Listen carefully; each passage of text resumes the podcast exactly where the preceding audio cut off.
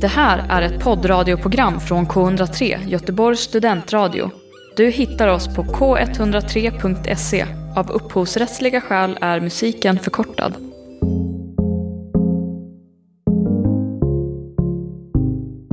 Välkommen till Lustarnas trädgård med mig Amanda Ekström. Och mig, Alva Rosengren. Ja, det här är vårt tredje avsnitt. Mm. Hur mår du Alva? Eh, jag mår bra nu. Jag har haft en lite dålig dag, typ. Ehm, men det har jag redan sagt till dig. Eh, Ja, Men va, vad är det som har gjort din dag dålig? Alltså, egentligen var det mest att jag köpte en macka på Espresso House och det var bacon i den. Och jag äter inte kött så det var lite jobbigt, men det var ju mitt egna fel. Eh, och sen tror jag också, ja, trött, lite sliten. Men eh, jag är faktiskt lite taggad på jul ändå. Mm. Ehm, ja. Det är roligt när man är kompisar som vi är och inte släkt. ja. Då... Eh, det är så konstigt för då är jul som en sån aspekt, för vi känner ju varandra väldigt bra. Ja. Men det är ju som att jag vet ju inte vad du gör på julafton, där är vi, Mm. det är vi helt frånskilda världar. ja, det är sant. Mm, det är intressant. Vill du veta vad jag gör på jul? Är det det, är det, det du försöker fråga här? Nej, men alltså jag vet ju vad du gör, att du ska åka upp Ja. till Dalsland och du firar hos din morfar Ja. och, och sådär. Det, det vet jag ju, men det är ändå så här. Ja, jag tänker att det alltid finns så små, små grejer man gör olika. Så här. Ja. Ja, man gör det olika och... Eh, Alltså det är ju en av de så här, eh, högtiderna som man inte slutar, slutar fira med sin familj och börjar fira med kompisar. Alltså typ så här midsommar. Nej, Då exakt. finns det liksom en punkt där man börjar gå ut med kompisar. Nyår börjar gå ut med kompisar. Till och med typ påsk. Mm, Det finns det, alltså så här, Halloween. verkligen. De flesta börjar man ändå så här vid någon punkt fira med vänner, men jul är ju verkligen fortfarande en sån familjhögtid. Ja, precis. Men det är bra att vi har fortfarande ett mysterium om varandra. Ja, När jag inte vet vad du gör. vi, vi håller det så. Ja, men vad härligt att du har varit på Espresso House i alla fall. Jag tycker Ja. det, det är en av mina eh, favoritkedjor. Mm. Även om Men det jag... finns så många kedjor finns inte. De, eh, de kickar ju bort alla från Sverige. Alltså, alla andra går ju i konkurs. Starbucks, Ja. Condeco finns kvar, men inte lika så många. Nej, nej, men Starbucks tycker jag, där gick jag aldrig. Jag brukade, Mm. När jag bodde i Spanien så brukade jag gå till Starbucks ett tag, vilket är jättekonstigt. det är som att jag alltid vill gå till det mest inautentiska stället som är möjligt. Ja, jo. men hur mår du? Jag känner mig på ganska gott humör Ja. just nu. Ehm, men idag har varit en ganska kämpig dag för det har varit minus 10 hela dagen. Mm. Och jag, grejen är att jag har, blir ju verkligen arg. När det, ja, när det är kallt och när det är Ja. blåsigt. Det finns ju den här, det finns en, eh, en bild från Simpsons när det är Mm. alltså Homer Simpsons pappa. Abe eller något heter han. Okej. Eh, och så står det, det är som en, en bild på Abe Simpson. Eh, och så är det med en nyhets i tidningen och så står det bara så här Old man yelling at cloud. Och det tänker jag alltid på när jag är arg på vädret. För att Ja. det är orimligt att vara arg på vädret för man kan absolut inte Gör något åt det. göra någonting åt det eller och så här, det hjälper absolut inte att jag är arg, men jag Nej. är ju det. Jättearg. Ja, men jag blir också det, men mest när det regnar eller alltså när det är något som fysiskt eh, slår på mig. Ja, nej men Regn, har inte jag så svårt för. Det är mest kyla Mm. och vind. Men, eh, och, och en annan sak som också gör mig arg är att jag tänker på att det finns människor som säger så här. Saker som, de säger saker som, ja, vintern är ju, det är ju tråkigt när det är slask, men när det är riktigt kallt och snö, då, då är det ändå vackert och fint. Och det avskyr jag, för jag är bara så här, nej. För det är fem minus och det är kallt och jättehemskt. Jag föredrar verkligen det- slask. Om du ska jämföra med en slaskig, mörk dag. Ja, Det är tusen gånger att jag föredrar det. Nej men lite så här knaprig, vit snö. Då är det väl ljust ute? Nej, alltså plusgrader är allting jag vill ha i livet. Jo, jo, men om du måste välja mellan minus ett och minus fem. Blöt snö eller hård snö? Fortfarande eh, blöt tror jag. Så det gör mig väldigt arg. Och det är också det att jag vet att jag har ju en impopulär åsikt här som inte alla, Ja. jag blir ju arg nu när vi pratar om det här. Jo, jo, men jag tror att min åsikt är mest att när, när det är blöt snö så vet jag att jag kommer halka.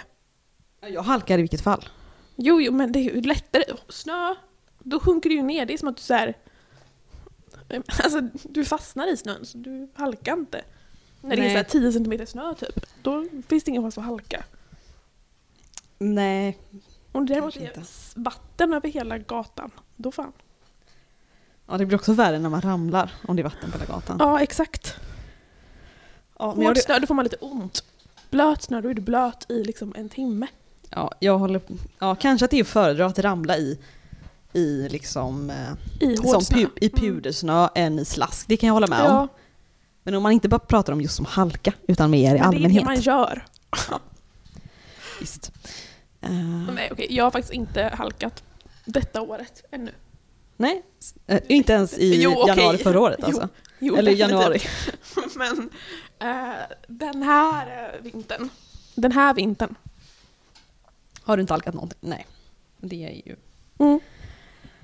det är ju skönt att höra. Ja. Eh, nej, men så att jag har varit ganska arg idag Mm. på vädret. Ehm, men, eh, men annars eh, så är det bra. Så fick jag åka hem till dig Mm. nu på kvällen. Det är väldigt mysigt. Ja. Mm, så Visst det. Här är det varmt ändå. ja men nu är det, det här, ja precis här är det ganska varmt i din Mm. lägenhet. För att när jag flyttade hit först så var det ingen värme alls. Då var det ju jättekallt. Mm. Nu är det skönt.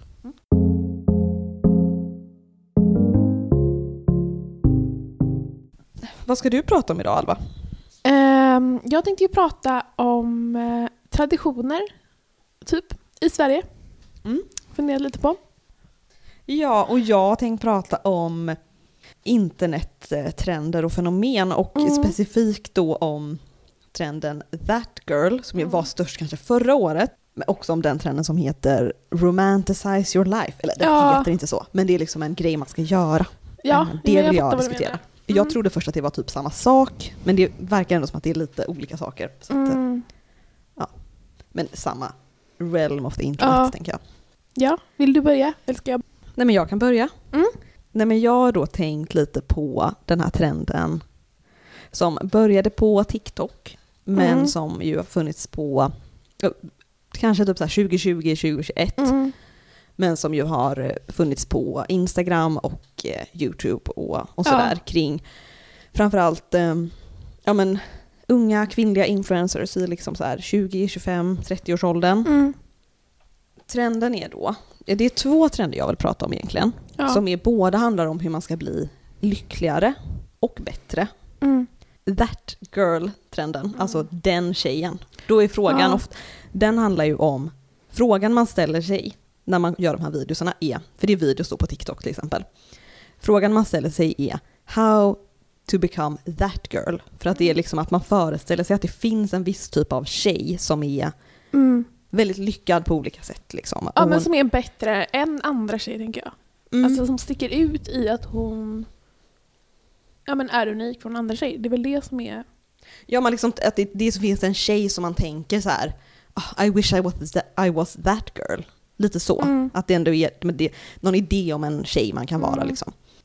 Då finns det sådana här videos som är typ the morning routine of a that girl.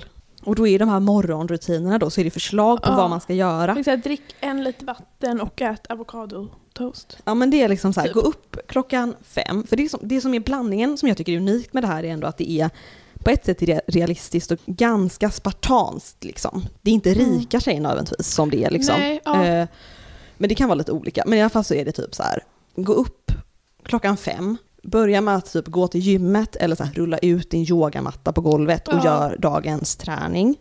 Och sen kanske typ ät frukost och då är Mm. oftast någon, ja men någon typ så här Väldigt så här ekologiskt, match, heter fräscht. Ja, någon så här fin, precis. Avokado, äggmacka. Ja men någon liksom, Eh, eller någon grön smoothie eller någonting. Men jag har Ja. också sett sådana som är typ att de gör instant coffee, vilket jag tycker om. För att Mm. jag relaterar till det, eh, som att jag, det är det enda jag dricker. Men, eh, men frukosten känns som att det inte ens är obligatoriskt att de har med det. Däremot det som Nej, nej. är obligatoriskt är att de har med att de ska skriva dagbok, att de Ja. ska journal. Men då tror inte jag att det är att, jag tror inte de skriver dagbok så som jag skriver dagbok, utan det är att de Nej. har lite journaling prompts som är typ så här. Hur ska jag göra det bästa av den här dagen? Ja, men det eh, vad, jag hur ska jag jobba mot mina mål idag? Mm. Vad ser jag fram emot idag? Ja, jag tror det är en väldigt positiv så här, journaling. Och det tror Mm. jag mest för att jag tänker min. att på morgonen så är det är inte så, man blir nog inte så produktiv människa om man börjar morgonen med att skriva om sin ångest. Typ. Fast jag tror man blir det. Men... Eh,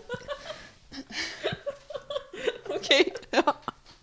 ja, men, och sen skriver de i alla fall en, en to-do-list också. Vad de ska göra idag, planera sin dag. Liksom. Ja. Och det är morgonrutinen. Och av någon anledning tycker jag oftast att det är... Morgonrutinen är ju det som får mest, som jag har sett mest av i alla fall. Sen finns det ibland lite kvällsrutiner men det är verkligen morgonrutinen liksom som, är, Mm. som är grejen på något sätt. Och det här har ju varit liksom jätte...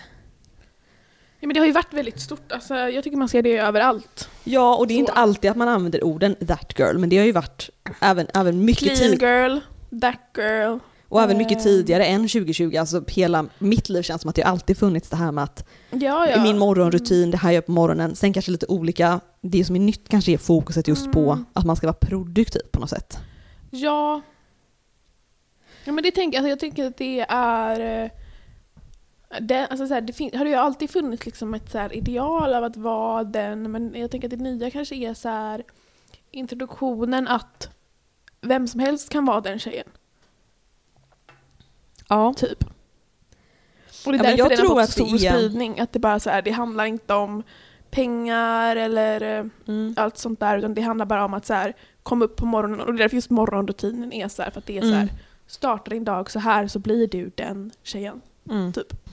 Ja, men för det som jag har tänkt på, det är ju, dels har den här blivit kritiserad tidigare av andra än Mm. mig då, för att den just är väldigt fokuserad på produktivitet och ja, men just det här att man ständigt ska förbättra sig själv och att Mm. man ska liksom att man ska meditera, det kanske står om det är en kvällsrutin eller morgonrutin eller vad som helst, så kanske det står inlagt också att så här, du ska meditera i tio minuter. Ja. Men det finns liksom inget andligt syfte till det, utan syftet är på något sätt mer för att du ska men få en bättre psykisk hälsa, vil- vilket ju såklart Mm. är ett egenvärde i sig, men det, alltså det är inte fokus på att psykisk hälsa är ett egenvärde i sig, utan det är mer för att man ska bli en viss typ av person, ja. än att Det är inte själva handlingen utan mer resultatet som är fokuset tänker jag. Ja, och det är liksom väldigt konstigt. Ja, alltså speciellt när det kommer till saker som typ meditation. Mm. Alltså typ frukost, ja det kanske inte är så konstigt men eh, ja, meditation är ju liksom det krävs, tänker jag, krävs ganska mycket fokus i just vad, när man gör det och vad man gör och varför och hur och så. Det tar nästan bort från poängen när det är liksom resultatet som är i fokus. Ja men verkligen. Och också att det blir så, jag tycker att det blir väldigt ytligt på något sätt. Det här med att man ska bli en that girl, att det som finns ett ideal man ska bli. Ska man göra alla de här jättebra grejerna, men det är för att typ bli en viss annan person på något Mm. sätt. Det är ju inte att man ska typ, jag vet det är, man ska nå sin egen fulla potential såklart, men det känns ändå som att Jo, det är... men det finns ju ändå så här, alltså även om det är så här, min egna potential ska man nå, men det är ju ändå så här, eh, det finns ju ändå en mall för hur den tjejen är, hur hon ser ut, vad hon gör. Alltså, Mm. det är inte så den tjejen som gör den här morgonrutinen och sen går ut och gör någon så här, inte, miljöaktivist-demonstration typ. Alltså, det är ju, jag menar, det finns ju en, det är ju en speciell Det är ju en typ tjej. juridikstudent Ja, liksom. exakt. Och eh, hon är också singel, det här har jag också tänkt på att det är väldigt tydligt att hon är singel. Mm. ehm, tycker jag det känns som. ja. För att det här är ganska ofta en inspiration kanske om man är till exempel eh, jag tolkar det som det att, att det kan, eller det kan ibland vara som en inspiration om man är typ heartbroken. Att man ska Ja. just, det här med att man ska då bygga på sig själv och liksom fokusera på dig själv och förbättra dig själv och liksom försöka att inte tänka på den här killen eller tänk inte på att du är in, jätteensam. Det faller liksom. in lite i så självhjälpskategorin tänker jag. Ja men det, 100% att det gör det. Och, och det känns också som att den här typen av tjej, den här that girl, när jag har tänkt på det så ser jag inte heller henne som en person som har jättemycket vänner, utan hon är ganska ensam. Och jag tror också Ja. det var för att det här är någonting som har växt fram under covid. För det var, Ja, att liksom, det- då var det ju väldigt många som var, man kanske behöver en sån stark rutin för att Mm. kunna plugga hemifrån till exempel, eller jobba Mm. hemifrån. Men att så här, det är en ganska ensam person ja. känns det som. Att det finns absolut inga sociala interaktioner. Det är typ så här, om det skulle vara en the week of a that girl, då skulle Mm. det vara att så här, på fredagskvällen träffade hon sina kompisar och sen också igen på lördagskvällen, men resten av veckan var hon Mm. typ ensam. Ja. Så känns det. ja, det kan det nog vara. Och det känns inte sunt tycker jag.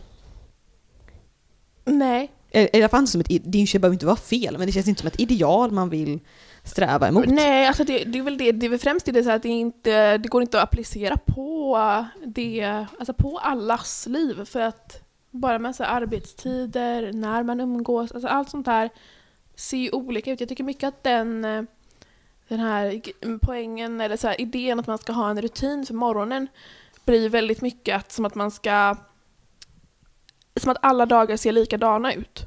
Mm. Och det finns så här ett utmålat schema för varje vecka som kommer se likadant ut och du kommer, alltså varje måndag ser likadan ut, varje tisdag ser likadan ut. Medan det känns inte som att det är verkligheten.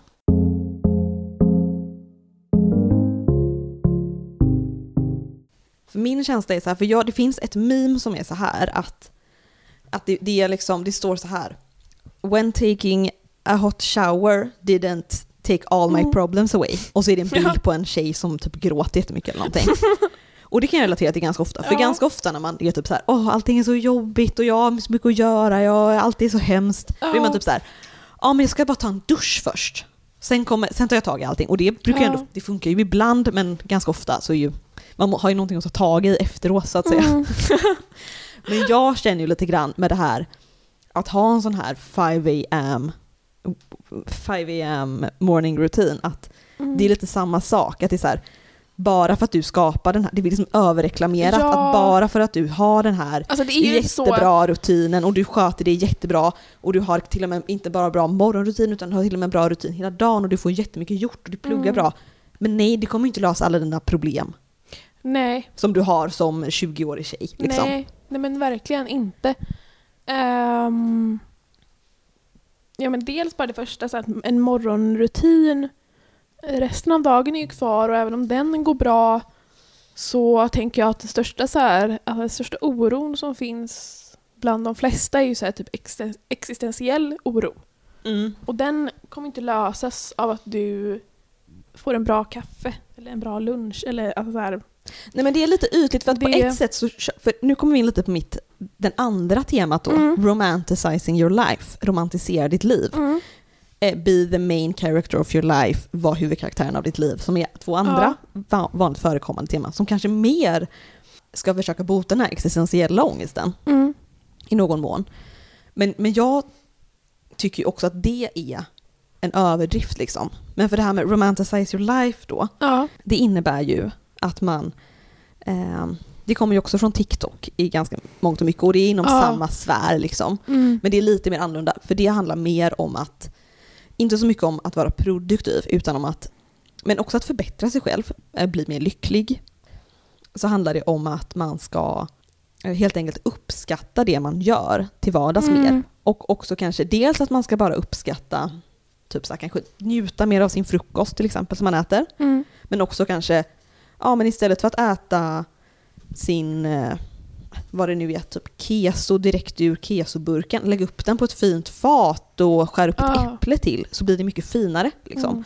Och att försöka uppskatta sitt liv på det sättet. Mm. Och jag, jag kopplar ju det här ganska mycket till, så här, nu kan ju ingenting, jag ingenting om Japan, men jag kopplar det lite grann till typ så här, ja. japansk kultur. Att typ så här, om man tänker de här typ så Studio Ghibli-filmerna till exempel. Ja. De tycker jag, tror jag är lite inspiration till det här, för där har de alltid de här du vet att de, när man har sett eh, maträtter i Studio mm. Ghibli-filmer, typ eh, Spirited Away eller ja. eh, jag vet inte, Kikis expressbud och de här. Ja men att det alltid ser väldigt fint det ut. Det ser så himla du. fint ut. Alltså mm. maten är, där är maten, en limpa bröd är romantiserad mm. på något sätt. Men det säger väl, alltså det kanske inte är just, um, det säger väl mer om så typ matkultur i... Men jag tänker att det kan vara lite därifrån man har hämtat ja. inspiration.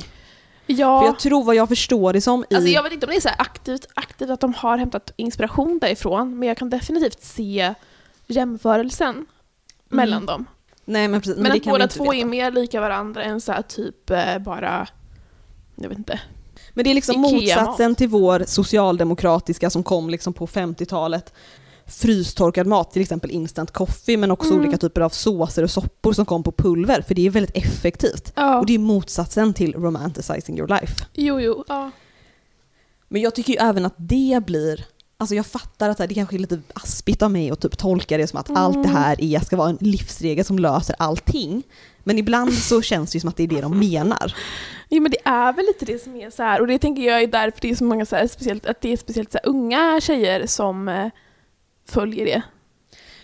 Ja, nej men att, att liksom, för tanken är ju på något sätt att man, att man ska, genom att då uppskatta sin, kanske typ så här, laga, till exempel att laga en hel måltid från grunden Mm. istället, och det här är inte bara romans, det här kommer ju också från typ, jag vet inte vad som helst, hippiekultur eller så här, det finns jättemycket Ja. konservativa, nykonservativa kultur, jättemycket Mm. olika där man pratar om det här, men typ laga din mat från grunden till exempel, det kommer göra dig Mm. lyckligare.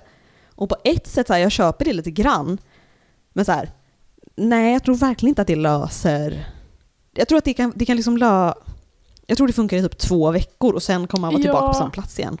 Ja, det är väl mer så att det handlar om att så här, ja, men man blir glad av att lära sig nya saker, man blir glad av att göra nya saker. Alltså är du inte van vid att laga en måltid från grunden och gör det, då känns väl det självklart som något du har åstadkommit och, och leder till någon sorts glädje. Men har du gjort det i några veckor, ja som sagt, som du sa, alltså så här, har du gjort det i några veckor då, då ger inte det lika mycket längre. Och då är det dags att hitta något nytt. Ja, men jag tror att jag bara är, det kanske är bara så att jag är väldigt, väldigt cynisk mot alla typer av, alltså jag har blivit ganska cynisk mot självhjälp tror jag. Att så här, Ja. Ja men de här nya, för jag tror att jag är sån att ganska mycket kan funka på mig i Mm. några dagar, men sen så är det så här, det är liksom nyhetens behag på sätt. Och då tänker jag, Ja, alltså lite där med typ, det jag känner när det kommer till eh, romanticize your life, att man ska så här, romantisera sig själv och försöka se allt, göra allt till bra. Att det inte, det inte blir en så himla kritisk syn av sig själv. Jag tror ibland kan det hjälpa att, att ha ett kritiskt öga på sig själv och fråga så här, men vad, vad är det som jag känner, vad är det jag har ångest över i mitt liv just nu? Och vad gör jag som leder till det? Att Mm. ibland måste man ha någon kritik till sig själv och vara så här, ja men det är kanske jag som är problemet och det är kanske jag som, det är kanske jag som gör fel. Ehm, och så ändra på sitt egna beteende för att leda till något annat ställe. Eller så här, det kan ju vara bara så här, vilka man umgås med eller ja, ens jobb eller något sånt där. Att, att det finns något faktiskt i, i ens liv som gör att man mår på ett sätt eller att det är på ett sätt. Och då kanske man inte ska romantisera det utan man faktiskt ska rikta en så här kritisk bild till sitt egna liv. Och fundera över det. ja, Och jag tänker, jag tror båda två, det krävs både att man så här försöker romantisera vissa delar av sitt liv. Ja men det handlar Men väl om också- att försöka uppskatta sin, de mundana aspekterna. Och jag, jag Ja. köper det, jag tycker ju att det är ganska, en ganska bra grej liksom. Mm.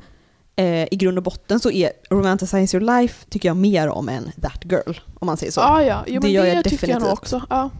För jag kan ju till exempel romantisera dåtiden.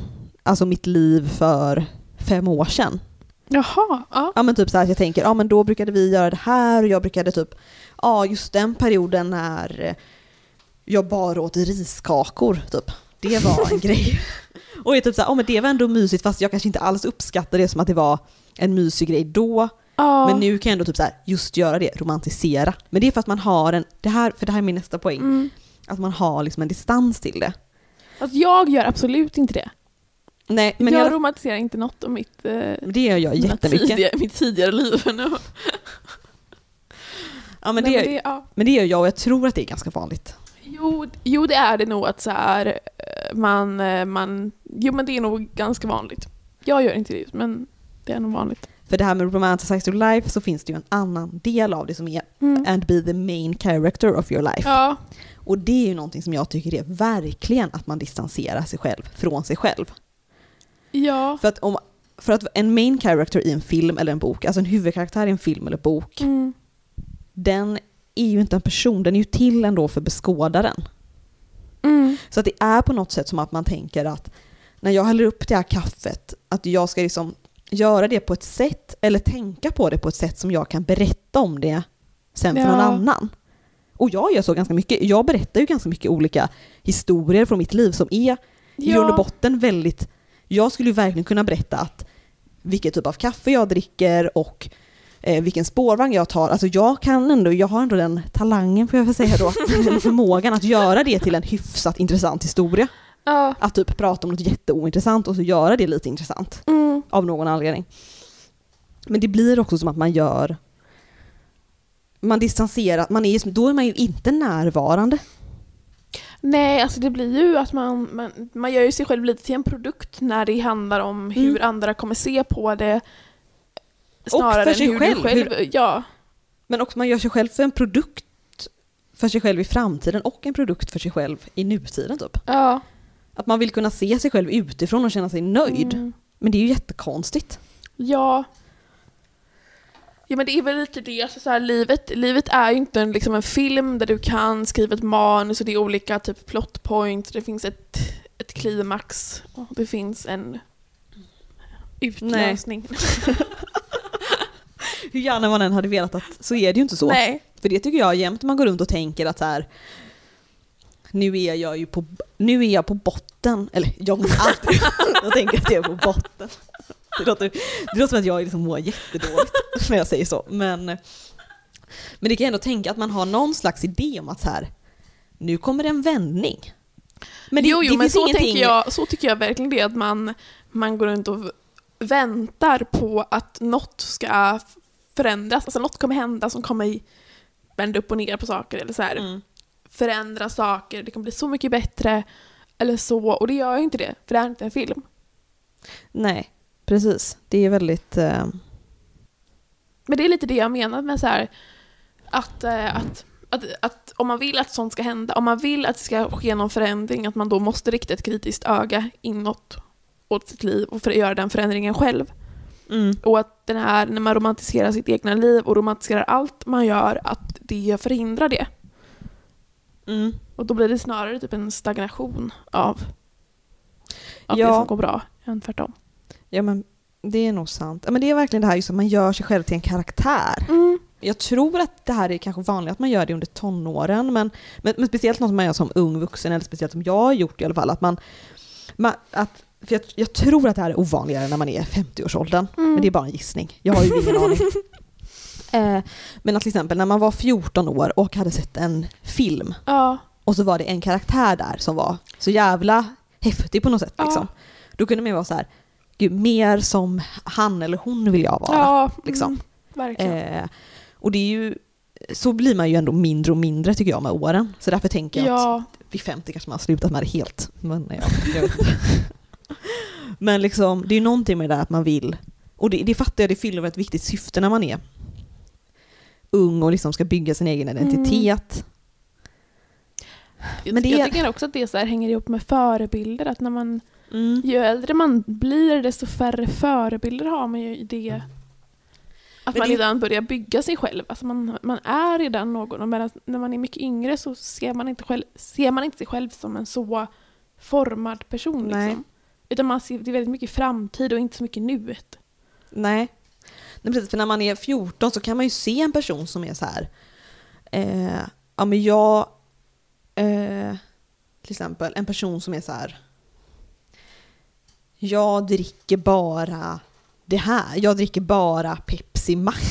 Skulle, så här, om jag var 14 och såg en film där var en jättecool person som bara drack Pepsi Max så hade jag nog ändå kunnat vara så här. okej men jag ska nog försöka börja dricka lite mer Pepsi Max för att, Ja. för att jag vill vara med den personen.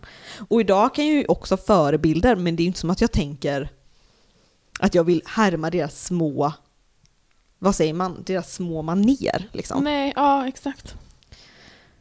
Eh, så att jag vet inte, jag, på ett sätt tycker jag ju om det att man ska göra sitt liv till en saga och man ska göra sig själv till en, Mm. jag vet nu kopplar jag det här till det här med det kollektiva undermedvetna. Men, men liksom så här, på ett sätt tycker jag att det är, är rimligt samtidigt som det också är att förminska sig själv på något sätt. Ja, eller att, att objektifiera sig själv Ja. på något sätt. Ehm, och jag tror att det kan vara men det kan vara hälsosamt i, i vissa mängder. Men eh, det beror också på vilken punkt man är i. Om det är så här, du har ett bra liv, saker går bra, det är bara lite tråkigt. Jag menar romantisera ditt liv då. Alltså så här, men om du faktiskt är i något så här som du vill, om det är något som du vill förändra ditt liv. Om det är något som så här, du mår dåligt över, att då bara så här, gå runt och romantisera det och vänta på att någon yttre kraft ska förändra någonting. Då blir det inte alls hälsosamt. Nej, men sen kan man ju ändå alltid romantisera För det kanske inte är just vad man äter till frukost man vill förändra. Så då kan man ju uppskatta nej. det extra mycket. Mm. Ja. Ja. ja. Men ehm, ja, det här blir jättepretentiöst kanske. Men eh, det är i alla fall... eh, Men det är ändå kul att eh, tänka på. Ja. Ja men för det, det är liksom... Men alltså, det för- känns också väldigt långt ifrån mig. Jag känner inte att jag romantiserar mitt liv speciellt mycket. Jag gör det jättemycket tror jag. eh, men jag är ganska inspirerad av, jag har faktiskt blivit ganska inspirerad av den här romanticize your life-grejen. Ja. Eh, för att, men jag tror att det tilltalar mig ganska mycket det här med att vara en sagofigur typ. jag tror att det är enda räddningen man har om man är en ganska konstig person. Ja, Att men det har jag nog gjort hela mitt liv. Alltså, det gör jag nog, men jag har nog gjort det hela mitt liv. att du har romanticized your life. Jag eller tänkt på mig själv som så här, en karaktär. Att jag så här, Mm. tänker på mitt liv som att det vore en film. Mm. Nej men för jag tror att så här. För, för det är det att om man är en, alltså inte för att det låter som att jag vet inte om jag tycker att jag är en jättekonstig människa, men jag menar bara att om man är om man, om man i alla fall känner sig som en lite udda person Ja. genom hela sitt liv Mm. så kan man ändå känna att i, i en film till exempel, eller en bok, så är ju huvudpersonen, alltså de personerna som är med, författare och manusskrivare, Ja. skriver ju sällan personer som är helt ordinära typ. Ja, i det är sant. Mm. Speciellt lite ungdomsfilmer och så kanske man lägger in lite extra Quirky. quirky saker liksom Ja, som är lite mm. så här. Eh, Så att det blir något som man kan relatera till det. Ja, Sen kanske alla relaterar till det. Jag vet inte. ja, Men jag tror inte det. nej. Jag känner inte så mycket personer som är helt normala. Eh, nej, jag vet inte. Det, jag vet inte hur normala personer tänker. Nej men för jag har hört att de finns. Ja. Men jag har aldrig träffat någon.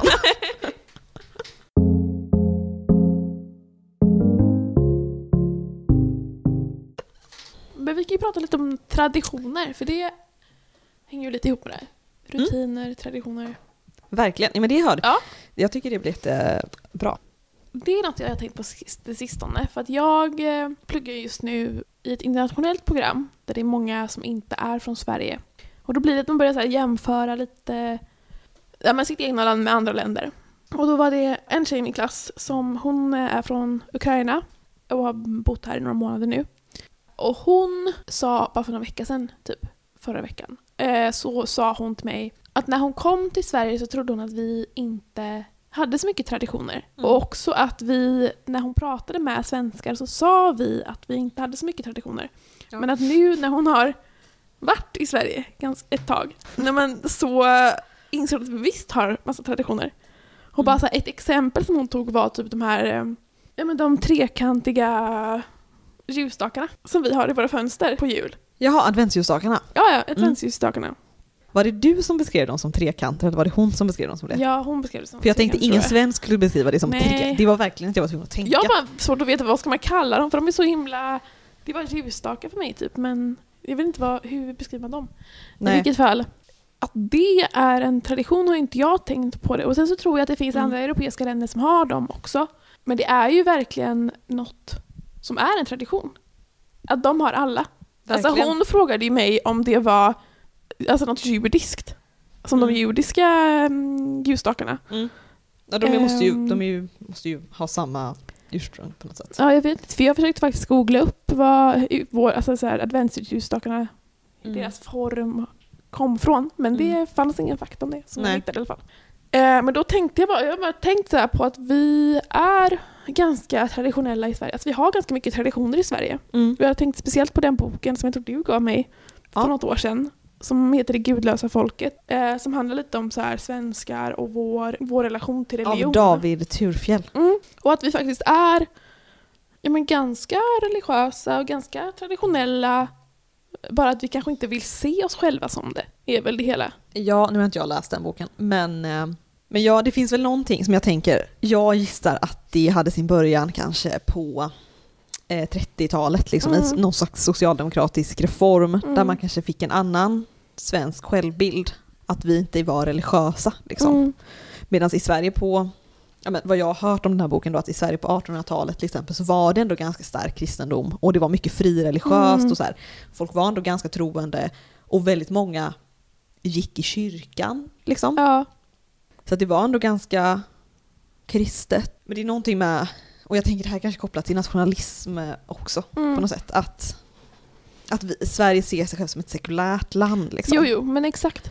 För det jag också har tänkt på det här nu är att om vi, om vi nu är så att vi är på något sätt har vi traditioner och vi, vi gör väldigt mycket saker på samma sätt allihopa. Alltså, jag menar, vi har traditioner och vi har någon sorts tro. Men eh, när de frågar, Mm. är ni väldigt traditionella i Sverige? Så säger vi nej. Är det för att vi kanske är mer fria i dem? För jag tänkte på det nu, eh, för det är ju nyss varit Lucia. Mm. Och en grej som kom var lite en nyhet. Det var ju det här i, jag tror det var Bollnäs det var i. Där det var en Lucia-klass där en, om jag har förstått rätt, icke-binär person skulle vara Lucia. Och då gick en, eh, en sverigedemokratisk regionpolitiker Mm. in och stoppade. Mm. Och stoppade Lucia-tåget så de fick inte ha sitt Lucia-tåg då.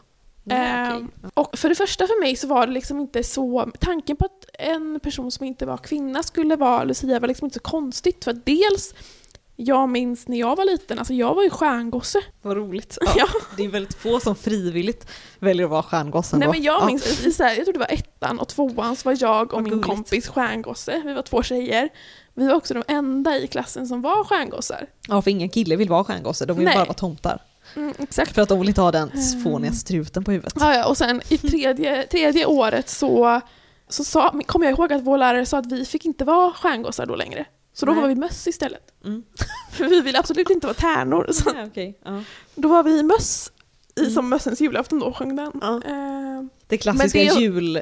Men möss är lite juliga ändå, det kanske beror det på den mössens julafton, det Ja, finns ju en sång om det. Då Ja, är det ja. ju juligt.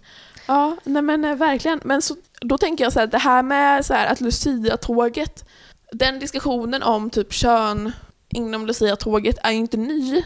Men jag tyckte bara att när jag läste nu ja, men, olika artiklar och så och de här Sverigedemokraterna gick ut och försvarade sig varför de hade stoppat det och så så lät det nästan som att det här var något nytt du vet, med så här, som kom med identitetspolitik. Men jag var som, det här var en diskussion som fanns när jag var typ sju, åtta år Mm det är väl inte så konstigt att någon som inte är kvinna vill vara Lucia. Nej, det är väl inte så Och konstigt. jag tänker också att idén om, eller grejen med att det faktiskt kan förändras. Okej, men traditionellt så är det liksom den blonda, smala bruden som är Lucia.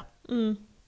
För det är ju mer en diskussion som jag Ja. minns huruvida Lucia fick vara brunhårig eller inte. Inte från min Aha. skola eller någonting, men, men för det har ju också varit en diskussion. Ja, För att Lucia i Sverige ska ju alltid vara blond, men Ja. egentligen är Lucia brunhårig för hon bodde ju i Italien. ja. ja. Men att i Sverige har det alltid varit så här, det ska vara en blond tjej. Mm. Det minns ändå jag från att man hörde om sådana typer av diskussioner. Jag kommer ihåg diskussioner om hur många Lucia det var fick vara. Ja, men nu pratar inte jag om diskussioner nej. från eh, alltså min faktiska skola utan mer typ så Nej, här nej. samhälls... eh, Mm. För på mitt dagis var vi ju jättemånga, då är alla tjejer Ja, lucior. exakt. Det är det Men sen i, när man började i eh, ettan på, på riktiga skolan då, Mm. då var det bara en lucia och jag ville absolut inte vara det. Ja, ja, det var inte för, jag tror inte det var för en eh, typ hög, mellanstadiet, högstadiet som det var en Lucia i min skola. Men i vilket fall så min, min poäng med det här var att, att jag tror att en del i att vi svenskar inte ser oss som så himla traditionella eller religiösa eller så också leder till att vi är mycket mer fria i att förändra på traditioner och låta Mm. traditioner växa med samtiden. Vilket jag tror är hälsosamt. Alltså jag ser inte så, något så här, någon stor problematik med att en kille skulle vara Lucia. Nej, nej men det gör inte jag heller, absolut inte. Jag, vet jag bara tänkte att det måste finnas någon koppling där med hur, hur, hur öppen man är för förändringar inom sina traditioner och hur mycket man ser på sig själv som traditionell eller nationalist eller... Men också typ, om man tänker traditioner, om man tänker till exempel Melodifestivalen är ju en jättestark tradition i Sverige. Mm. Där är vi ändå också ganska känsliga för förändring. Ja, Ja, alltså så här, det är klart att det kan ändå ske förändringar men det är ändå som att det blir typ så här, ja, nu införs det eh, röstning från Europa till exempel. Mm. Eller nu tar vi bort eller lägger till en deltävling och så vidare. Alltså det blir Ja. ändå en ganska en nyhet liksom. Och det tycker jag är Ja. bra att det finns engagemang kring de här sakerna. ja, Så att det är ändå, man får ändå tänka att på ett sätt är det ju bra att det finns någon som överhuvudtaget bryr sig. mm. Det är ändå positivt. ja. Att inte en förändring bara kan ske precis hur lätt som helst. Nej exakt, jo men ändå. Att Men att ändå själva de som engagerar ändå är tillräckligt förändliga för att kanske ändå föra det framåt på något sätt så att inte, annars men kanske är traditionen skulle dö liksom. Det är väl alltid det med saker att så hålla, hålla kvar äldre generationer samtidigt som man skapar nya banor för yngre generationer. För man måste hela tiden anpassa sig.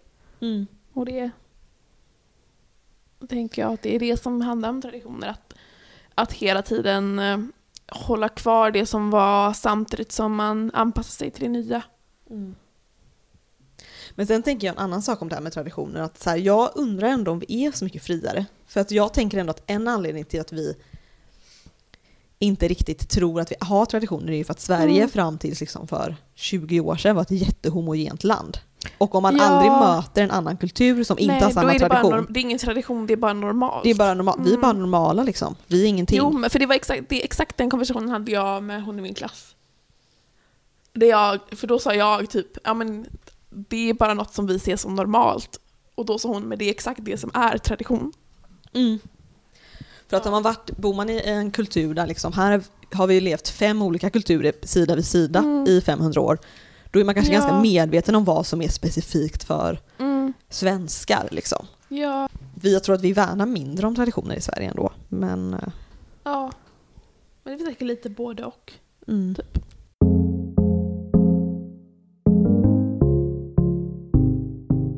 Vad är din favoritjultradition?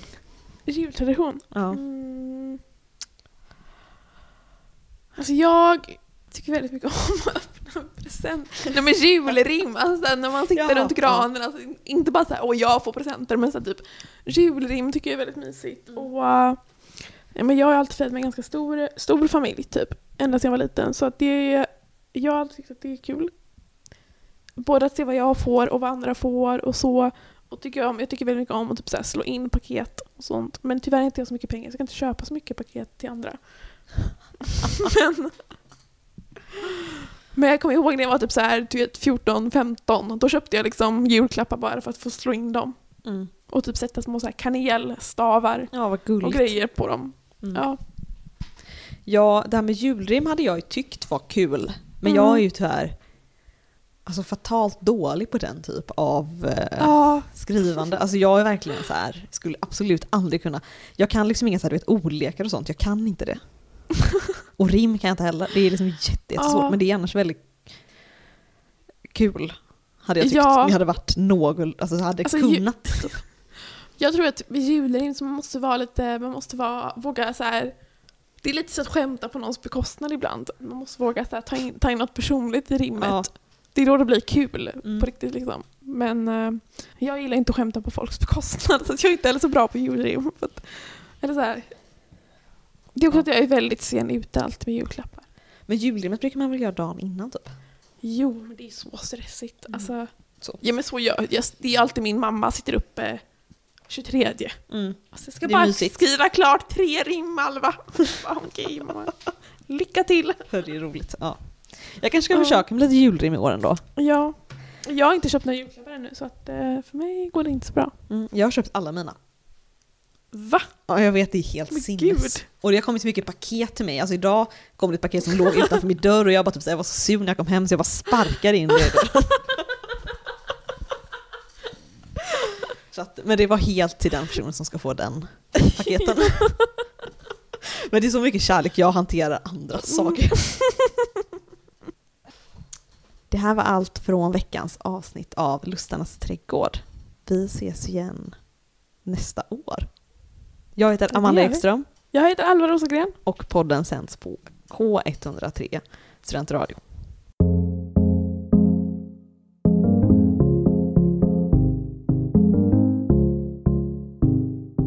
Du har hört en poddradioversion av ett program från K103.